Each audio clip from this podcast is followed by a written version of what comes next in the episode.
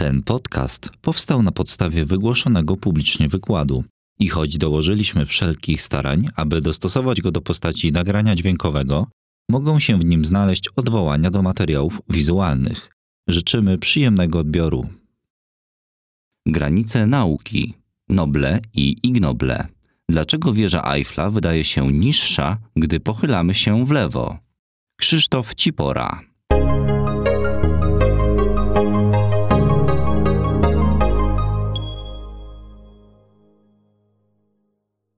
Bardzo mi miło, że mogę tutaj e, być. Dzisiaj właśnie zastanowimy się nad tym, dlaczego wieża Eiffla może nam się wydawać niższa, gdy pochylimy się w lewą stronę i ogólnie o e, ucieleśnieniu, zwłaszcza w obszarze e, badań nad tak zwanym poznaniem matematycznym. Jest to trochę e, specjalistycznych terminów, które tutaj być może, e, być może się pojawiły w poprzednim zdaniu, natomiast one wszystkie będą po kolei, e, przynajmniej będę się starał po kolei te e, terminy jak, w jakiś sposób Państwu e, przybliżyć.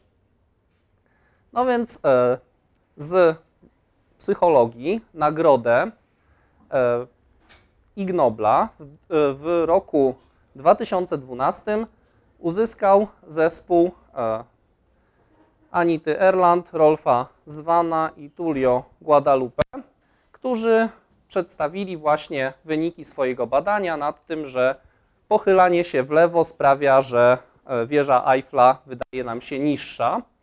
E, Jeżeli chodzi o e, powiedzmy taki społeczny aspekt samej nagrody Ig Nobla, o czym już w zeszłym tygodniu wspominał podczas takiego podczas wykładu wprowadzającego dr Łukasz Lamża, jakby nagrody wręczania Ig Nobli są otoczone swoistą taką jakby to powiedzieć, aurą naukowości, ale takiej bardzo traktowanej z przymrużeniem oka. I tutaj możemy zobaczyć, w jaki sposób była wręczana owa nagroda. Możemy tu zobaczyć trzech laureatów Nagrody Nobla, którzy bardzo chętnie w, we, wręcz, we wręczaniu Ig Nobli e, uczestniczą. Mamy tutaj symboliczną e, wieżę Eiffla i właśnie cała sytuacja się rozgrywa oczywiście na Uniwersytecie Harvarda. E, Co jeszcze tutaj warto wspomnieć, to e, zazwyczaj już od dobrych kilkunastu lat e, laureaci Ig Nobli chętnie pojawiają się na tej ceremonii. No i starają się zrobić właśnie też coś w rodzaju takiego show, które jakby ma podkreślić powiedzmy to, w jaki sposób przeprowadzono badanie. Tutaj była chociażby, chociażby ta miniaturka wieży Eiffla. W tym przypadku Akurat tak się nie stało. W ceremonii wziął udział tylko e, Tullio e, Guadalupe, dlatego że dwa dni po tej ceremonii e, wręczenia Ig Nobli e, autorka pierwsza i autor trzeci tego artykułu pobrali się, tak? No i na stronie właśnie skąd zaczerpnięte są opisy wszystkich nagród Ig Nobla, czyli stronie improbable.com, można znaleźć tam naprawdę sporo fajnych sporo fajnych informacji. e, Są odnośniki do e, literatury, do tych tekstów, na podstawie których zostały, e, zostały nagrody wręczone. E, No i można znaleźć zdjęcia właśnie z e, ceremonii ślubnej, e, gdzie jakby tutaj e, autorzy e, zdecydowali się jakby powtórzyć powiedzmy ten e, swój eksperyment i wraz z gośćmi weselnymi tutaj się pochylają w jedną stronę, tutaj w drugą i być może na przykład szacują, jak wysoki jest fotograf, który im to zdjęcie robił. E, e, No i właśnie. Co takiego zrobiono w tym eksperymencie, który e, owym Ig Noblem został nagrodzony? Osoby badane stały na takiej równoważni, na takiej jakby huśtawce, która działała w dwóch płaszczyznach, powiedzmy lewo-prawo, i była ona połączona z komputerem, i przy pomocy właśnie ustawiania czy balansowania swoim ciałem, osoby badane miały doprowadzić do tego, żeby taki, taka linia, która była wyświetlona na ekranie, żeby ona była jak najbardziej pionowo. Przy czym jakby cały system, który tutaj e, pomysłodawcy eksperymentu e, wymyślili, był taki, że jakby osoby badane nie były świadome tego, jak bardzo są przechylone w stosunku do, rzeczywist- do, do, rzeczywi- e, no, do pionu, prawda? I niekiedy w niektórych próbach na przykład musiały być lekko pochylone w lewą stronę, żeby ta linia, e, którą widziały na ekranie, była pionowo. W innych musiały stać równo, w innych sytuacjach musiały być lekko przechylone w prawą stronę. No i w czasie tego badania, właśnie ustawiając się odpowiednio, tam z próby na próbę jakby też, ten, e, to, też to powiedzmy wymaganie wobec, e, wobec postawy ciała, czy to było pochylenie w lewo, czy w prawo się zmieniało. No i osoby badane miały dokonywać oszacowań różnych e, wartości liczbowych. Tak? O co na przykład pytali? O tytułową wieżę Eiffla, jak dużo ludzi żyje w Antwerpii, mniej więcej ile waży nowonarodzone ciele, tak, ile waży w kilogramach dorosły słoń, E, czy e, chociażby jak dużo prowincji składa się na Kanadę, bądź też jaki jest e, procent, procent czy odsetek ludzi na świecie, którzy są religijni, którzy są wierzący. No i o co tu chodziło? Czemu te pytania są takie dziwne? Otóż, gdyby zapytano na przykład, nie wiem, o długość boiska piłkarskiego, tak, czy o, nie wiem, jakieś, jak dużo jest, nie wiem, zawodników w drużynie koszykówki, no to tutaj większość ludzi dysponuje względnie dokładną wiedzą odnośnie tego, jakie te wartości są, prawda? Natomiast w pytaniach pod tytułem właśnie wysokość wieży Eiffla, no mamy jakieś tam mgliste pojęcie, ile to może być, ale raczej myślimy o tym jako o jakimś zakresie, prawda? Tak samo jak e, z wagą słonia w kilogramach, czy, czy z wagą nowonarodzonego cielaka. To są takie wartości, które powiedzmy, no trudno nam podać jakąś dokładną, możemy jakoś tam szacować, no i chodziło o to, żeby zobaczyć, czy w zależności od tego, w którą stronę podczas dokonywania danego oszacowania będą nawet nieświadomie pochylały się osoby badane, to czy zaobserwujemy wtedy jakąś tendencyjność, tak? czyli jakiś systematyczny błąd w, tym, w tych oszacowaniach. Tak? Czy będzie tak, że jeżeli osoba tak, pochyla się w lewo, gdy akurat jej się przytrafi szacować wysokość wieży Eiffla, to e, będzie podawała te wartości E, niższe niż inna osoba, która w tym samym zadaniu będzie, będzie miała być pionowo bądź to e, pochylić się w prawo. No i co się okazało? W obu eksperymentach, w obu eksperymentach osoby badane właśnie szacowały owe wielkości i widać wyraźne różnice między sytuacją, gdy pochylały się w stronę lewą, jak i sytuacją, gdy pochylały się w stronę prawą i tym powiedzmy e, poziomem, znaczy to jest lewe, prawe i e, ta powiedzmy postawa rzeczywiście pionowa, ten warunek kontrolny. No i w obu eksperymentach badaczom udało się to, e, udało się to pokazać. E, no i teraz pytanie, skąd taki pomysł, tak, żeby komuś kazać na sterowanej komputerem huśtawce szacować, ile waży cielak, jak się urodzi, tak? No, Wydaje się, że wydaje się nam to, przynajmniej pozornie, czymś zupełnie jakby takim, nie wiem, odjechanym, niezwiązanym z, jak, z jakąkolwiek rzeczywistą wiedzą, tak, z nauką nam się to niespecjalnie kojarzy, no co najwyżej z jakimś kabaretem, prawda? No ale jakby tutaj warto wiedzieć, że cały ten pomysł to nie było coś e, zupełnie oderwanego od tego, czym się naukowcy zajmujący się poznaniem matematycznym zajmują. Otóż okazuje się, że szereg badań prowadzonych już na przestrzeni przynajmniej ostatnich dwudziestu kilku lat pokazuje, że nasz umysł reprezentuje, czy przetwarza, czy przechowuje w pamięci liczby, właśnie odnosząc się w jakiś sposób do przestrzeni wokół naszego ciała.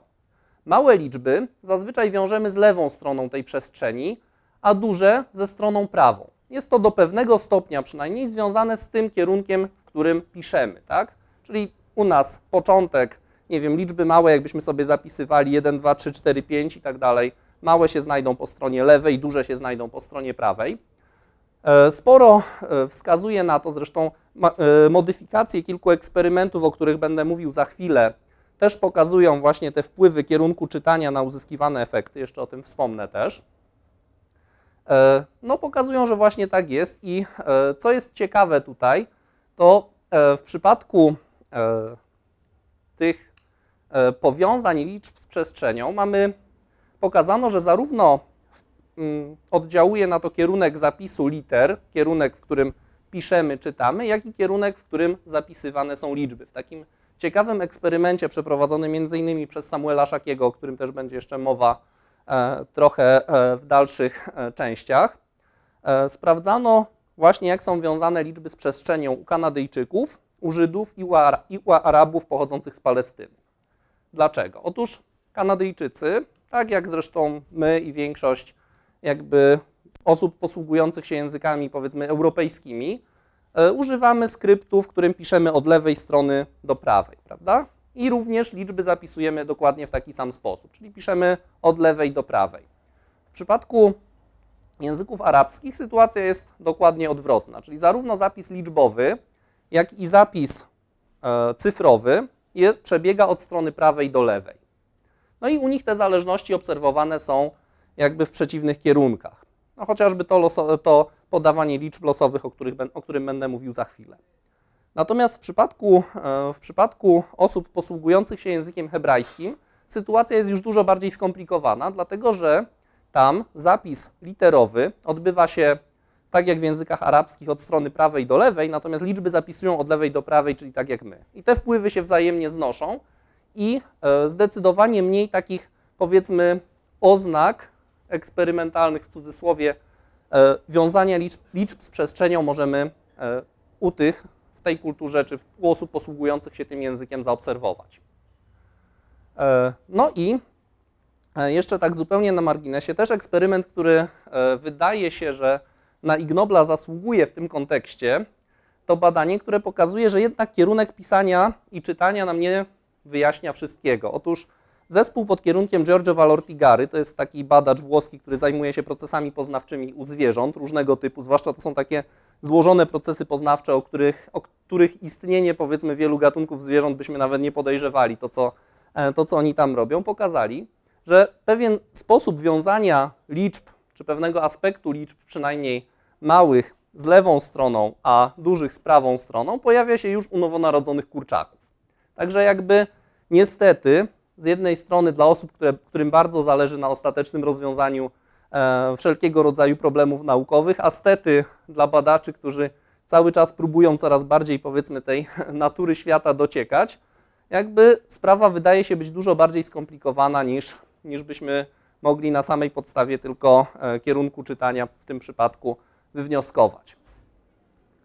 E, kolejnym dowodem właśnie przy pomocy które, znaczy którym można by się posłużyć, jeżeli chodzi o badanie tych związków liczb z przestrzenią, jest właśnie badanie takich tendencyjności w oszacowaniach różnego rodzaju. I tutaj chociażby właśnie jak tutaj mieliśmy e, w eksperymencie, o którym mówiłem, oszacować ile kilogramów waży dorosły słoń, no to są znowu liczby, jak mówiłem już, których wartości no, nie znamy jakoś z dużym przybliżeniem i one są podatne właśnie na jakieś takie systematyczne błędy, że tutaj z powodu chociażby jakiejś dostępności umysłowej, bądź to małych, bądź to dużych liczb, w zależności od ułożenia naszego ciała, jakby można takie tendencyjności, takie systematyczne błędy zaobserwować. Zatem jeżeli wykonujemy pewne kierunkowe działanie naszym ciałem w przestrzeni, tak? W tym przypadku to będzie właśnie pochylenie w lewo, w prawo. Za chwileczkę będziemy mo mogli zobaczyć inny eksperyment, gdzie to był ruch całego ciała, bądź to w górę, bądź to w dół. Może to być przemieszczanie głowy, bądź to w lewo, bądź to w prawo. Może to w jakiś sposób ułatwiać do e, dostęp do reprezentacji umysłowych, bądź to większych, bądź to mniejszych liczb. E, no i właśnie wciąż e, sytuacja wydaje się, wydaje się być taka bardzo hermetyczna, w tym sensie, że no, no okej, okay, dowodzimy jakiegoś tam zjawiska, tutaj wiążemy liczby z przestrzenią, no ale co to na dobrą sprawę przyniesie, jaką korzyść praktyczną i co to w ogóle nam pozwala powiedzieć tak ogólnie o człowieku, tak, mówiąc już trochę patetycznie. Otóż badania właśnie w zakresie poznania matematycznego są takim powiedzmy poligonem, można by powiedzieć, do poszukiwania odpowiedzi na bardzo poważne pytanie, już dużo bardziej fundamentalne niż, niż nawet, z, można by mówić, e, psychologiczne. Tak? Tutaj więcej nauk już usiłuje odpowiedzi na to pytanie udzielić. Mianowicie chodzi o pytanie o to, w jaki sposób nasz umysł radzi sobie w ogóle z przetwarzaniem informacji abstrakcyjnych. Tak?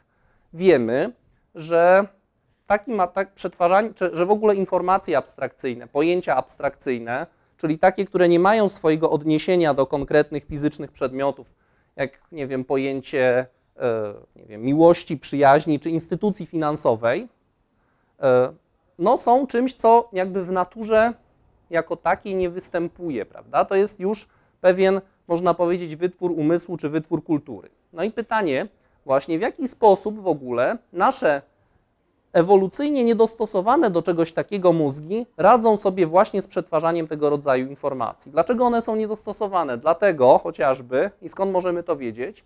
Dlatego, że powiedzmy szeroko pojmowana kultura, szeroko pojmowane, e, pojmowane, nie wiem, pojęcia abstrakcyjne, to jest wytwór na tyle nowy, jeżeli chodzi o powiedzmy wiek chronologiczny, że jest to o kilka rzędów wielkości, czy nawet kilkanaście, krótszy okres czasu niż taki, który byłby potrzebny do tego, aby doszło do biologicznej ewolucji. Tak? Wytwory kultury wszelkie, chociażby takie jak pismo, czy takie jak liczby, no to idą, znaczy posługując się już takimi bardzo jakby optymistycznymi, e, optymistycznymi oszacowaniami, no to będzie gdzieś maksimum 30 tysięcy lat, ale to były takie jakby pierwsze jakieś oznaki, które tam gdzieś archeologowie znaleźli i, e, i próbują, jedni twierdzą, że interpretować, drudzy, że nadinterpretować, że to były już jakieś, jakieś sposoby posługiwania się e, chociażby liczbami. Natomiast powiedzmy takie bardziej powszechne tego użycie to jest, no, e, no o powszechności to można mówić na, na no, no, perspektywie raczej paruset lat, prawda? W sensie, że nie wiem, powszechny dostęp do edukacji, i, i powszechna umiejętność nie wiem, pisania, czytania i tak. No więc jakby to jest perspektywa czasu zdecydowanie za krótka, żeby mogło dojść do biologicznej ewolucji i do tego, aby powstały w toku tej ewolucji jakieś struktury, które będą jakby dedyko, dedykowane temu i będą, e, będą takie, takie informacje swobodnie e, przetwarzać.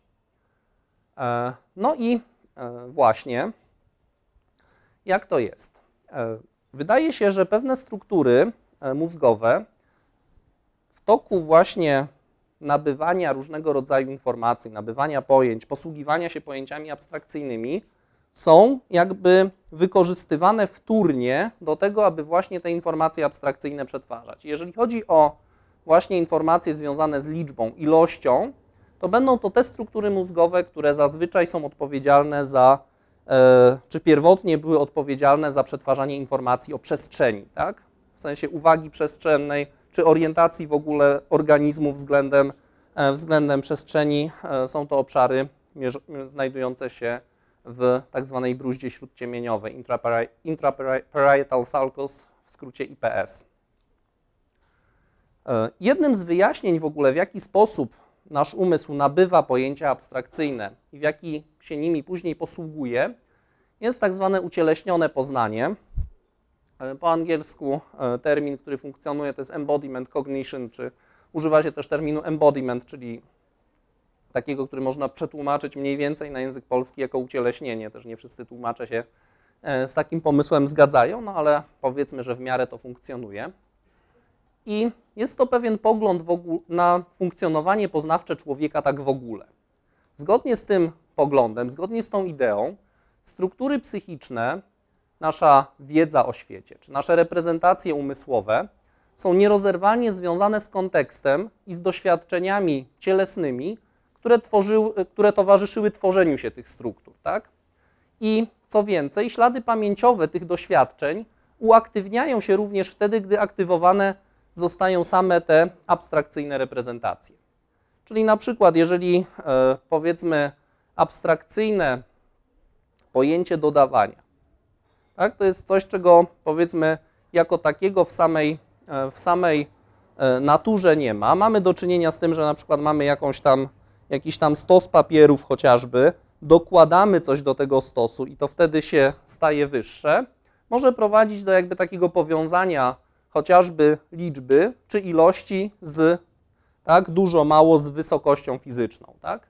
Tutaj jakby sporo takich e, pomysłów i takich teorii e, funkcjonuje. Jakby co jest ważne tutaj i czego badacze poszukują, to właśnie tego, e, czy owe ślady pamięciowe jakichś takich doświadczeń, powiedzmy cielesnych, związanych z aktywnością samego organizmu, czy to motoryczną, czy jakąś percepcyjną, będą aktywowane właśnie w momencie, gdy zostają aktywowane same te abstrakcyjne reprezentacje.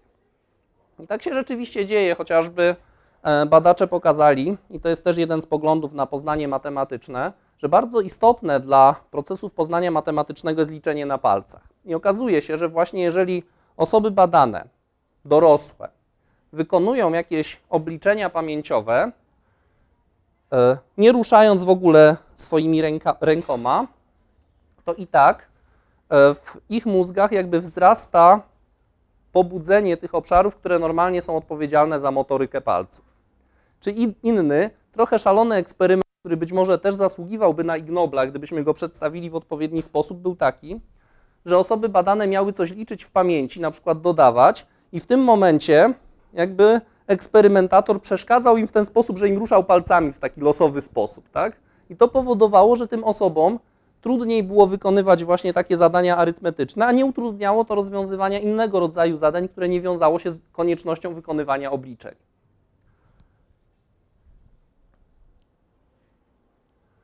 E, no i właśnie.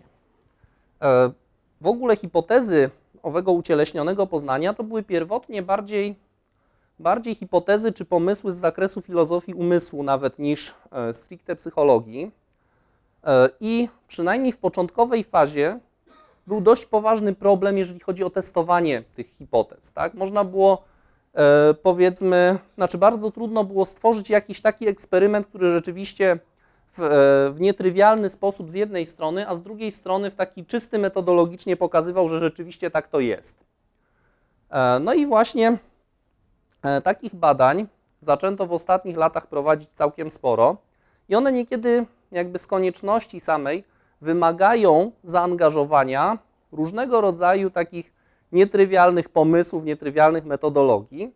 I tutaj chciałem pokazać kilka badań, które z jednej strony właśnie takie nietrywialne metodologie stosuje, być może nawet trochę zabawne, ale co tutaj jest ważne i co wydaje się z perspektywy rozwoju nauki wartościowe w tym zakresie, to to, że właśnie tak różne, tak odmienne i tak niekiedy właśnie nietypowe, moglibyśmy kolokwialnie powiedzieć odjechane pomysły i odjechane badania prowadzą do względnie spójnych wyników, do względnie spójnych wniosków.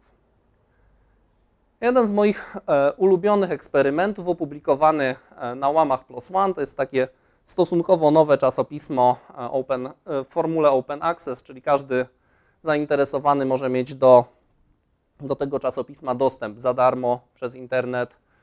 Można sobie korzystać, czytać czy wykorzystywać materiały w tym zawarte. Stosunkowo niedawno przeprowadzone. Autorzy pokazali, że doświadczanie spójnego jakby z tym, jakie postulowały, postulowałyby hipotezy z zakresu, e, z zakresu ucieleśnionego poznania ruchu w płaszczyźnie pionowej, powoduje, czy sprzyja liczeniu, sprzyja poprawności liczenia. No i w jaki sposób tutaj badacze przeprowadzili ów eksperyment? E, interesowały ich obliczenia pamięciowe, Mogło to być albo dodawanie, albo odejmowanie. Tak jak mówiłem, z tego e, z obszaru tego ucieleśnionego poznania, takie doświadczenie czy tworzenie pojęcia dodawania będzie się wiązało z dokładaniem do jakiegoś stosu, na przykład jakichś przedmiotów czy czegoś w tym rodzaju. Nie? No im ten stos jest większy, tak, dużo, czy dokładanie będzie się nam kojarzyło z wzrostem, z czymś tak, w stronę e, jakby do góry, natomiast odejmowanie, ujmowanie w dół. No więc oprócz e, tego, że interesowały ich dodawanie odejmowanie, to interesowało ich, czy doświadczanie w trakcie wykonywania tych operacji matematycznych w pamięci, e, podczas doświadczania ruchu, bądź to w górę, bądź to w dół, będzie się różniło. Tak? Zgodnie z tymi hipotezami z zakresu ucieleśnionego poznania, łatwiej będzie dodawać, gdy będzie temu towarzyszył ruch w górę, a odejmować, gdy będzie temu towarzyszył ruch w dół. No i e, dodatkowo chcieli jeszcze sprawdzić, czy e, wystarczy, czy jakby bardziej pomocny będzie taki aktywny ruch w górę bądź w dół pod tytułem wbieganie bądź zbieganie po schodach, lub ruch bierny, to znaczy jeżdżenie windą góra-dół. No interesowało ich to, po pierwsze, czy jakby lepiej jest, gdy w trakcie wykonywania obliczeń doświadczamy tego ruchu, to znaczy jedziemy tą windą w górę czy w dół, czy E, biegniemy po tych schodach, czy wystarczy, że wcześniej jakby ten ruch, powiedzmy, zostanie jakby e, wywołany, tak? W sensie ktoś się przejedzie tą windą do góry na dół i wtedy będzie łatwiej mu odejmować czy dodawać. E, Co więcej, zastanawiali się nad tym, czy tutaj jakby samo wyobrażenie sobie tego ruchu już ewentualnie może w czymś pomóc, czy rzeczywiście trzeba jakby tego ruchu rzeczywiście doświadczyć. W tym sensie, że jakby informacje powiedzmy płynące z ciała związane z przyspieszeniem chociażby doświadczanym tutaj będą istotne. No i co się okazało? Tutaj mamy po pierwsze dwa warunki, to znaczy windę i schody i mamy ten ruch e, spójny i niespójny, tak? Czyli tutaj e, spójny, niespójny jest oznaczany e, kolorem słupka, ruch spójny to będzie właśnie, znaczy warunek spójny to będzie ten, gdy dodajemy jadąc w górę, odejmujemy jadąc w dół. E, Natomiast e, niespójny, no to gdybyśmy mieli odejmować jadąc w górę lub dodawać jadąc w dół. No i okazuje się, że efektywność tutaj w zakresie, e, tak, zadział, zadziałało to w windzie, tam gdzie ten ruch był bierny, na schodach nie, nie zadziałało, nie zaobserwowano różnic. No i tutaj w tym warunku online, czyli tam, gdzie w trakcie wykonywania owych, owych kalkulacji, owych obliczeń e, osoby badane jechały tą windą, a nie, że wcześniej sobie pojeździły, a potem miały liczyć, tak? No i tutaj właśnie badani rzeczywiście bardziej, bardziej efektywnie wykonywali te zadania, w sensie więcej tych problemów byli w stanie w jednostce czasu rozwiązać, gdy doświadczali tego spójnego, powiedzmy, ruchu, tak jak to autorzy nazwali. E, No i tutaj jeszcze dodatkowo sprawdzono, czy do tego rzeczywiście wystarczy to, że sobie wyobrazimy ten ruch, że jakby samą tą reprezentację taką bardziej, nie wiem, abstrakcyjną, moglibyśmy powiedzieć, e, ruchu w górę bądź w dół wzbudzimy, czy rzeczywiście trzeba po prostu tego ruchu doświadczyć w trakcie. I okazało się, że właśnie jakby konieczne jest to doświadczanie ruchu w trakcie, e, w trakcie wykonywania tych obliczeń, żeby, żeby tą różnicę zaobserwować. E, Kolejny eksperyment, e, dość zabawny, ale w sumie nawet, nawet bliski moglibyśmy powiedzieć, jeżeli chodzi o ogólne założenia w stosunku do tego nagrodzonego, nagrodzonego ignoblem. Mianowicie z jednej strony właśnie ta aktywność w przestrzeni może sprzyjać uaktywnieniu powiedzmy reprezentacji liczb dużych bądź małych i to będzie wpływało na tendencyjności w oszacowaniu. Inny pomysł jest taki, że prosimy osoby badane o generowanie liczb losowych, tak? czyli Tutaj w tym przypadku osoby miały po prostu podawać liczby z zakresu od 1 do 30 e, w sposób losowy, tak? czyli nie na zasadzie, że to ma być kolejność rosnąca albo malejąca, tylko jak im przyjdzie do głowy, jak najbardziej losowo. No i e, w jednym z warunków po prostu miały te liczby losowe podawać, e, natomiast w drugim warunku miały jednocześnie kręcić na boki głową w rytm metronomu, tak? czyli mniej więcej w tym warunku E, w tym warunku e, z ruchem działałoby to na tej zasadzie. 5, 3, 2, 8, 1, 12, 14, 18, tak? No i mieli tak wygenerować, wypowiedzieć w sumie 40 liczb. E, No i badacze analizowali, czy podczas ruchu, w tym warunku z ruchem, kierunek, czy w danym momencie ruszam w lewo, czy w prawo, będzie wpływał na wielkość tych generowanych liczb. No i co się okazało? Zresztą artykuł ten został opublikowany na łamach Current Biology. To jest takie bardzo e, prestiżowe czasopismo, e, powiedzmy z, szeroko, w zakresie szeroko pojmowanych nauk o życiu. E, no i co tutaj tak. Aha, jeszcze dodatkowo chcieli zobaczyć, czy jeżeli sobie wyobrazimy, tak, zwizualizujemy liczby jako, jako odległości przedstawione na linijce, to czy ten efekt właśnie różnicy między tym, co wypowiadamy, jak e, kręcimy, jak wykonujemy ruch w prawo, a ruch w lewo, się nasili, czy nie. I co tutaj mamy? Podstawowy jakby wykres z tego badania, tak? Tutaj mamy kręcenie głową w rytm metronomu, tak? Metronom mniej więcej mógł wyglądać w tym badaniu tak. E, No i tak wyglądały wyniki z tego eksperymentu. To znaczy, tutaj baseline to jest po prostu to, co osoby badane robiły jakby w momencie, gdy nie miały tą głową ruszać, żeby zobaczyć, czy tak ogólnie jakby mają tendencję do tego, żeby, żeby podawać jakieś liczby większe czy mniejsze. E, No i tutaj, e, tutaj znowu mamy to, co się działo podczas ruchów w prawo i podczas ruchów w lewo. A na osi Y, na osi pionowej mamy liczbę e, wygenerowanych małych liczb spośród, e, spośród wszystkich podanych. Tak? Jeżeli mieli e, w sumie 40 tych liczb podać, no to jeżeli potraktujemy mniejsze jako tą dolną połówkę, większe jako górną, no to gdyby podawali tyle samo liczb tak ogólnie, no to by było 20 małych, 20 dużych, nie? Gdyby to było tak kompletnie losowe. Tutaj mamy oczywiście jakieś tam zróżnicowanie, no to jest jakby, no nie dziwi nikogo specjalnie, zwłaszcza, zwłaszcza jeżeli próba była stosunkowo niewielka. No ale co się działo?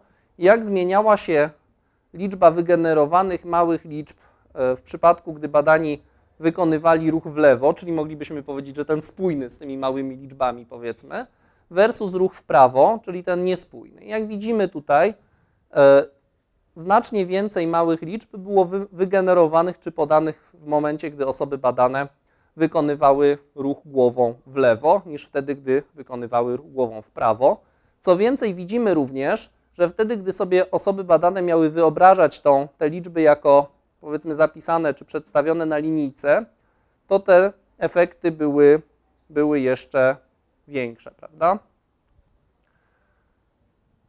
No i właśnie.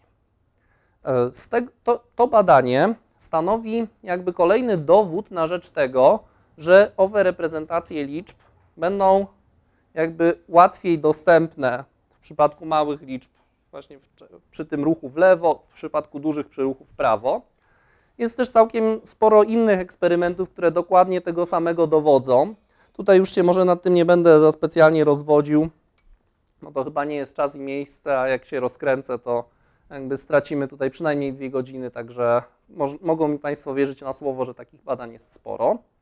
E, natomiast e, co jeszcze tutaj miałem dodać, to to, że ten eksperyment powtórzono na e, osobach badanych posługujących się jednym z języków które, które mają ten skrypt od strony prawej do lewej, tak? to jak jeden z języków powiedzmy arabskich czy z tej grupy. I w tym eksperymencie uzyskano wyniki dokładnie odwrotne, to znaczy więcej liczb małych było generowanych w czasie ruchu głową w prawą stronę, a więcej liczb dużych podczas ruchu głowy w stronę lewą. E, no i jeszcze jeden eksperyment przeprowadzony m.in. przez Samuela Szakiego, o którym już wspominałem, tego, który badał, e, właśnie porównywał e, grupę kanadyjską, palestyńską i posługującą się językiem hebrajskim. No i tutaj chcieli zobaczyć, czy też znowu przy pomocy innego eksperymentu, może też pomysłowego i zabawnego, czy można zaobserwować na innym jeszcze przykładzie właśnie owe związki między liczbami a przestrzenią. Osoby badane miały za zadanie chodzić po pokoju tak? i z każdym krokiem podawać jakieś liczby. I w pewnym momencie w instrukcji było zawarte, że mają skręcić w którąś stronę, tak? czy to w lewo, czy w prawo, mogą sobie wybrać. No więc osoba badana generalnie tam była gdzieś łapana na korytarzu, zapraszana do pokoju, eksperymentator stawał za nią, tłumaczył, no i osoba badana robiła coś takiego. 7, 2, 1, 4, 8, tak? Czyli w sumie uwzględniano dwa takie zakręty i co się okazało? Zakręt w lewo następował częściej wtedy, gdy osoba badana tą liczbę, którą wygenerowała przy poprzednim kroku małą. Tak? Natomiast jeżeli e, Natomiast zakręty w prawo częściej występowały właśnie po tym wygenerowaniu liczby dużej. E, no i e, w tym eksperymencie też pokazano odwrotną zależność, to znaczy e, wymuszano osobo na osobach badanych skręcanie bądź to w lewą, bądź to w prawą stronę, na zasadzie przejdź parę kroków i skręć w lewo, przejdź parę kroków i skręć w prawo i generuj przy tym liczby losowe. I wtedy, jak osoba badana wiedziała, że ma skręcić w lewo bądź to w prawo, to generowała liczbę odpowiednio małą, mniejszą bądź większą jakby tutaj znowu cała, cała idea, która za tym stoi, jest taka, że jakby łatwiej w naszej pamięci czy w naszym umyśle będą dostępne te liczby, które jakby są powiedzmy, no nie wiem, spójne z danym warunkiem, moglibyśmy powiedzieć poważnie, aktywności motorycznej, tak? Czyli z tym, że skręcam bądź to w lewo, bądź w prawo, tak? Czyli z jednej strony jakieś losowe uaktywnienie danej reprezentacji będzie sprzyjało zakrętowi bądź to w lewą stronę, bądź to w prawą, tak w tym warunku jakby pierwszym, bądź też wymuszenie danego ruchu będzie sprzyjało temu, że jakaś reprezentacja bądź to liczby małej, bądź to liczby dużej będzie nam jakby łatwiej dostępna, prawda? E, no więc jakby e, co tutaj e, z tego wszystkiego wydaje mi się ważne i co bym chciał podkreślić, to to, że mimo tego, że stosuje się bardzo różne jakby pomysły tutaj, tak, to każemy ludziom jeździć windą, to każemy się huśtać i szacować wieżę Eiffla, to każemy krę kręcić głową, jak im metronom tyka, to mają chodzić po pokoju, skręcać i, i wymyślać jakieś liczby, cały czas uzyskujemy bardzo podobny wniosek, że właśnie owe liczby małe będą jakby łatwiejsze do przetworzenia, jeżeli to jest powiązane z ruchem w lewo, a duże, jeżeli to będzie powiązane z ruchem w prawo. E, no i właśnie mniej więcej tak to wyglądało w tym badaniu Szakiego i Fischera. E, tak, tutaj mamy e, pierwszy i drugi zakręt w eksperymencie pierwszym. No i częściej właśnie wygenerowana liczba duża wiązała się z zakrętem w prawą stronę, mała z zakrętem w lewo. No i tutaj jak były, jakby ten wymuszony zakręt to znowu jakby to, to, o czym mówiłem przed chwilą, jak wiedzieli, że mają skręcić w lewo, to częściej wcześniej generowali liczbę małą, jak w prawo, to generowali liczbę dużą. E, no i artykuł kolejny, może trochę mniej powiązany z samą ideą poznania matematycznego, bardziej związanym właśnie z samym ucieleśnieniem, to w jaki sposób, powiedzmy, pozycja ciała czy postawa ciała będzie wpływała na przywoływanie wspomnień tak zwanych autobiograficznych, czyli wspomnień z naszego życia. No i co tutaj takiego eksperymentatorzy zrobili? Chcieli zobaczyć, czy łatwiej, w sensie szybciej, będzie osobom badanym opisywać różne wydarzenia ze swojego dzieciństwa, jeżeli będą miały za zadanie, czy jeżeli będą miały w tym czasie przyjąć podobną postawę ciała w stosunku do tej postawy, którą miały wtedy, gdy to wspomnienie powstało. Tak? E, I założenie było takie, że więcej tych szczegółów sobie znaczy, że krócej będą odpowiadać i więcej szczegółów sobie przypomną, gdy pozycja ciała właśnie była spójna, bądź niż wtedy, gdy była niespójna z tą pozycją ciała, którą przyjmowali w momencie, gdy owo wspomnienie zostało nabyte. No i tutaj takie najbardziej charakterystyczne, charakterystyczne wspomnienie, o której pytali. Tam pytali o jedną z wizyt u dentysty w dzieciństwie. No i osoby badane miały sobie to przypominać, podawać szczegóły tej wizyty w dwóch warunkach. Tak? W warunku pierwszym miały się tak wyłożyć do tyłu, żeby to mniej więcej przypominało tą pozycję, jaką przyjmujemy, jak jesteśmy na fotelu dentystycznym, prawda? No to wtedy zazwyczaj jesteśmy tak, prawda? Jednocześnie rozpaczamy i tak dalej.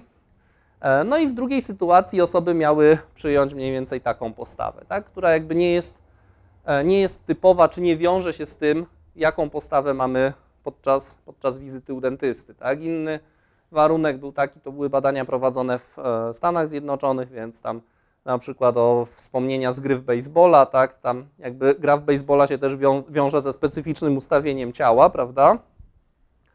Więc jakby w takiej pozycji osobom badanym łatwiej było sobie przypomnieć jakieś tam wspomnienia właśnie związane z baseballem, niż w jakiejś pozycji zupełnie nie przypominającej tego, co się dzieje podczas, e, podczas gry w baseball. E, no i co się okazało? Okazało się właśnie, że rzeczywiście osoby lepiej sobie przypominały te wydarzenia i też jak dwa tygodnie po eksperymencie badacze znowu do nich dzwonili i prosili, żeby jeszcze więcej coś tam o tym opisać, to te osoby właśnie, u których przypominanie miało miejsce właśnie w tych spójnych pozycjach ciała z tymi, które miały miejsce podczas nabywania, przypominały sobie owych szczegółów więcej.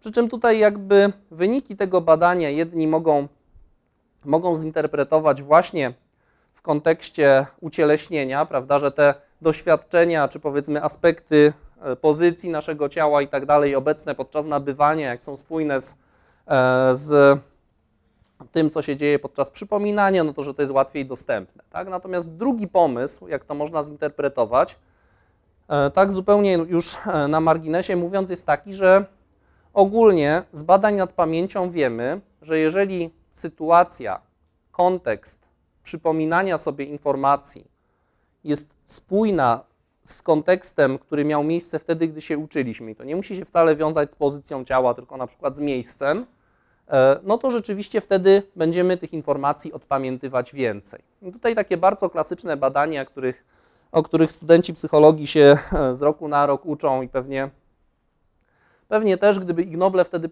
e, już wtedy istniały, to był przełom lat 80. i 70. i 80. Być może też by, też by mogły do tej nagrody pretendować. Prowadzili te badania zresztą całkiem uznani badacze, m.in. Alan Badeley, który jest jednym z większych ekspertów w ogóle od pamięci. E, polegały one na tym, że osoby badane miały się uczyć jakiegoś materiału, listy słów e, w określonym kontekście i potem przypominać je sobie albo w takim samym kontekście, albo w kontekście zmienionym. No i w tym badaniu też dość e, radośnie badacze sobie wymyślili, żeby przebadać płetwonurków i ci płetwonurkowie mieli mieli się uczyć tego materiału na powierzchni i byli z niego testowani pod wodą, albo, byli, albo się uczyli pod wodą i byli testowani na powierzchni, albo e, zarówno uczenie, jak i testowanie miało miejsce w tych samych warunkach, czyli jedni pod wodą, drudzy na powierzchni. I okazało się, że właśnie w sytuacji, gdy kontekst był spójny, to osoby badane przypominały sobie tych słów więcej, E, co jeszcze tutaj, e, tak całkiem na marginesie, efekt ten uzyskano tylko wtedy, gdy testowano takie swobodne przypominanie, tak? Czyli przypomnij sobie jak najwięcej słów, ile tam było, tak? E, natomiast w momencie, gdy osoby badane miały wypełniać test wyboru, to już tych różnic nie było. Więc jakby tutaj akurat eksperyment z tym dentystą, jedni będą interpretować właśnie jako dowód na to ucieleśnienie, drudzy mogą to zinterpretować po prostu jako dowód na to, że jak kontekst nabywania i od, odpamiętywania informacji jest spójny, no to e, wyniki będą lepsze. No i teraz znowu chciałbym króciutko przejść już do ostatniej części, to znaczy na co to wszystko, tak? No bo wiemy, że ok, liczby duże prawa strona, liczby małe lewa strona, e, no ale e, w pewnym momencie każdy może stanąć przed pytaniem, dość częstym, co to, co, mianowicie pytaniem, co to wnosi do czego, tak? na co to komu jest potrzebne. No i wydaje się, że przynajmniej na razie są już pomysły, jak to można wykorzystać, właśnie powiedzmy ideę ucieleśnionego poznania e, matematycznego w praktyce. E, zajmuje się tym głównie zespół, e, oni mają najwięcej badań nad tym, zespół z Uniwersytetu w Tybindze. No i oni wymyślają, opracowują treningi e, umiejętności matematycznych e, bardzo wczesnych dla dzieci, czy to przedszkolaków, czy pierwszoklasistów, które właśnie uwzględniają obecność tego komponentu motoryki e, całego ciała. I tutaj pierwszy eksperyment wykonywany był na takiej macie tanecznej. Działało to na tej zasadzie, że dziecko stało na środku, miało wyświetlane coś takiego na ekranie i tu było zadanie, czyli liczba którą trzeba było określić, czy ona będzie większa od tego kryterium, czy mniejsza. Jeżeli będzie większa od kryterium, to dziecko miało skoczyć sobie w prawą stronę, jeżeli mniejsza, skoczyć w lewą stronę. Tak? I taki trening, zresztą bardzo krótki, e, powodował, w tym przypadku właśnie byłby to skok w prawą stronę, i taki trening później powodował, że dzieci lepiej sobie radziły chociażby w samym szacowaniu na osi liczbowej, czyli wskazywaniu, gdzie dana pozycja na osi liczbowej by się znalazła, ale również dzieci później lepiej radziły sobie w liczeniu, tak? Czyli na przykład były w stanie sprawniej odliczać, załóżmy dwójkami wstecz i tak dalej, czyli lepiej jakby rozumiały całą ideę liczby. I teraz zwracam na to uwagę, że jakby te efekty poprawy uzyskano w porównaniu z warunkiem, gdzie dzieci również jakieś umiejętności matematyczne sobie trenowały, tak? Nawet porównywały te liczby, ale to porównanie nie, wią nie wiązało się z samym zaangażowaniem tego aspektu, powiedzmy, motorycznego. Drugi eksperyment, e, również z szacowaniem na osi liczbowej, autorstwa, badanie opisane przez linki współpracowników 2013. E, I tutaj też zaangażowano motorykę całego ciała u tych dzieci. Tu były badani, byli badani pierwszoklasiści. Mieli taką oś, na której należało szacować. Ona miała 3 metry długości. Dzieci szacowały, gdzie na tej osi znalazłyby się liczby z zakresu od 0 do 100. Jak to wyglądało? Na początku dziecko sobie stało na środku. Tu była na podłodze narysowana oś. Tak, tutaj były dwa monitory, na których się pojawiała liczba, którą należało wskazać na tej osi. I jeszcze w dodatku niekiedy należało zaczynać od strony prawej, a niekiedy od strony lewej to szacowanie, tak? W sensie, gdzie by się znalazło licząc albo, idąc albo odtąd, albo odtąd. E, No i dziecko udzielało odpowiedzi, jak już znalazło się w tym miejscu, w którym się miało znaleźć, to skakało i właśnie sensor e, Kinect jakby wykrywał tą, wykrywał tą odpowiedź. Później jakby e, dziecko dostawało, dostawało informację zwrotną o poprawności po każdej takiej, po każdej takiej próbie. No i porównano z bardzo podobnym zadaniem, które było wykonywane na tablecie. To znaczy, jakby różniło się ono tym, że dziecko też stało na środku, tu były dwa tablety, wyświetlała się liczba, należało podejść bądź to do jednego, bądź to do drugiego i po prostu na tym tablecie to oszacować, tak? Czyli sam ten aspekt szacowania nie wiązał się z zaangażowaniem motoryki, natomiast też te dzieci musiały sobie po tym pokoju trochę pochodzić, nie? Więc było to bardzo zbliżone do tego eksperymentu. E, No i e, jakby wynik tego badania z zaangażowaniem motoryki całego ciała był jakby bardziej obiecujący. Dzieci później lepiej szacowały na osi liczbowej, ale też efekt ten zgeneralizował się i uzyskano poprawę w zakresie poprawności dodawania liczb wielocyfrowych, a nawet w zadaniach, które wymagały przenoszenia, tak? Czyli że jakby przy dodawaniu, nie wiem, 19 plus e, 12 musimy jakby przenieść liczbę dziesiątek o 1. Nie? I już w tak, i nawet w takich zadaniach uzyskano, uzyskano poprawę, co jest szczególnie jakby doniosłe ze względów zarówno praktycznych, tak, bo nie chcemy w różnego rodzaju treningach, wspomaganiu rozwoju, interwencjach trenować po prostu samego jednego zadania, tak, czy nie wiem, trening fizyczny na bieżni też nie ma na celu tego, żebyśmy po prostu lepiej sobie radzili na bieżni, ale żebyśmy ogólnie byli bardziej sprawni, prawda? No więc jeżeli obserwujemy w takich treningach generalizację, to znaczy, że jest dobrze, tak? Dobrze ze względów praktycznych, no bo jakby jesteśmy w stanie coś pomóc, ale dobrze również ze względów teoretycznych. Dlaczego?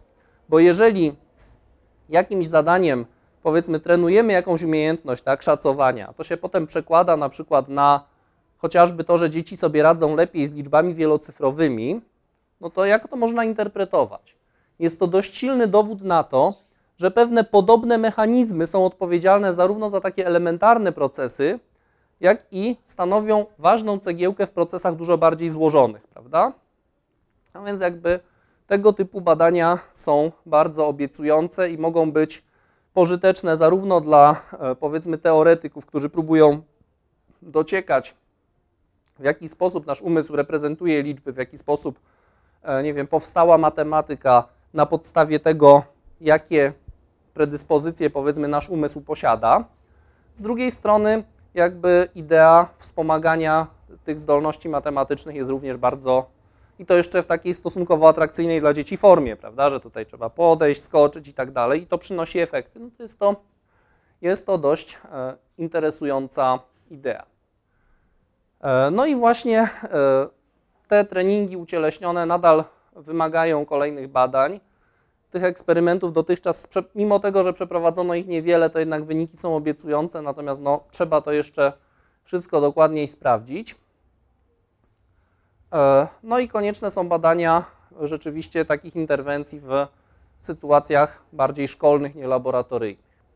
No i do czego chciałem tutaj e, dotrzeć na całym, podczas tego wykładu, to to, że bardzo często z pozoru zabawne eksperymenty e, po pierwsze stanowią taką ważną cegiełkę w wielu przypadkach, która będzie dokładać jakiś kolejny dowód do tego, co już wiemy, tak? W przypadku naszego huśtania się i szacowania wieży Eiffla do tego, jak nasz umysł radzi sobie z liczbami, tak? Mogą prowadzić do, do spójnych wniosków, że w tym w naszym przypadku, że właśnie ucieleśnienie odgrywa bardzo dużą rolę w poznaniu matematycznym, i co więcej, wydaje się, że w niektórych przypadkach znajdują one swoje praktyczne zastosowanie. I bardzo często, gdy popatrzymy na laureatów Ig Nobli, mimo tego, że te badania są z pozoru jakby zupełnie niezwiązane z niczym i próbują dowieść rzeczy z pozoru zupełnie kompletnie trywialnych, nie, e, niekiedy śmiesznych, niekiedy jakichś, mm, no, zupełnie nikomu na nic niepotrzebnych, to jednak gdy przyjrzymy się całej tej dziedzinie i spojrzymy, że to badanie jednak coś wnosi i pokazuje, że z jednej strony świat jest dużo bardziej, e, dużo bardziej skomplikowany i fascynujący, niż byśmy tego podejrzewali pierwotnie, z drugiej strony jakby tworzą po prostu całą tą wiedzę, którą powiedzmy dysponujemy, tak? Gdy popatrzymy na to, że Ig Nobla dostali autorzy badania, którzy pokazali w swoim eksperymencie, że jeżeli nie ma innych wskazówek wizualnych, to żuki gnojniki potrafią nawigować na podstawie gwiazd, no to możemy się śmiać, tak? No bo idea wpuszczania do planetarium, bo tam były sprawdzane całe te sytuacje, tak? Żuka gnojnika, który tą swoją kuleczkę, tak jak jeden z bohaterów pszczółki Mai, prawda, toczy, tak? I patrzenia, że no on sobie radzi na podstawie, nie wiem, gwiazdy polarnej czy jakiejś tam innej konstelacji, no jest dość zabawne, ale z drugiej strony, jeśli sobie pomyślimy, że tak, że u tak z pozoru prostego organizmu występują jakieś mechanizmy, powiedzmy ewolucyjne, e, ukształtowane na poziomie, e, na poziomie tak nawet bardzo prostego układu nerwowego, który pozwalają na to, żeby on właśnie był w stanie nawigować na podstawie gwiazd, no to wydaje się, że ten świat jest dużo bardziej złożony i fascynujący niż pierwotnie nam by się wydawało. Z mojej strony tyle. Dziękuję bardzo.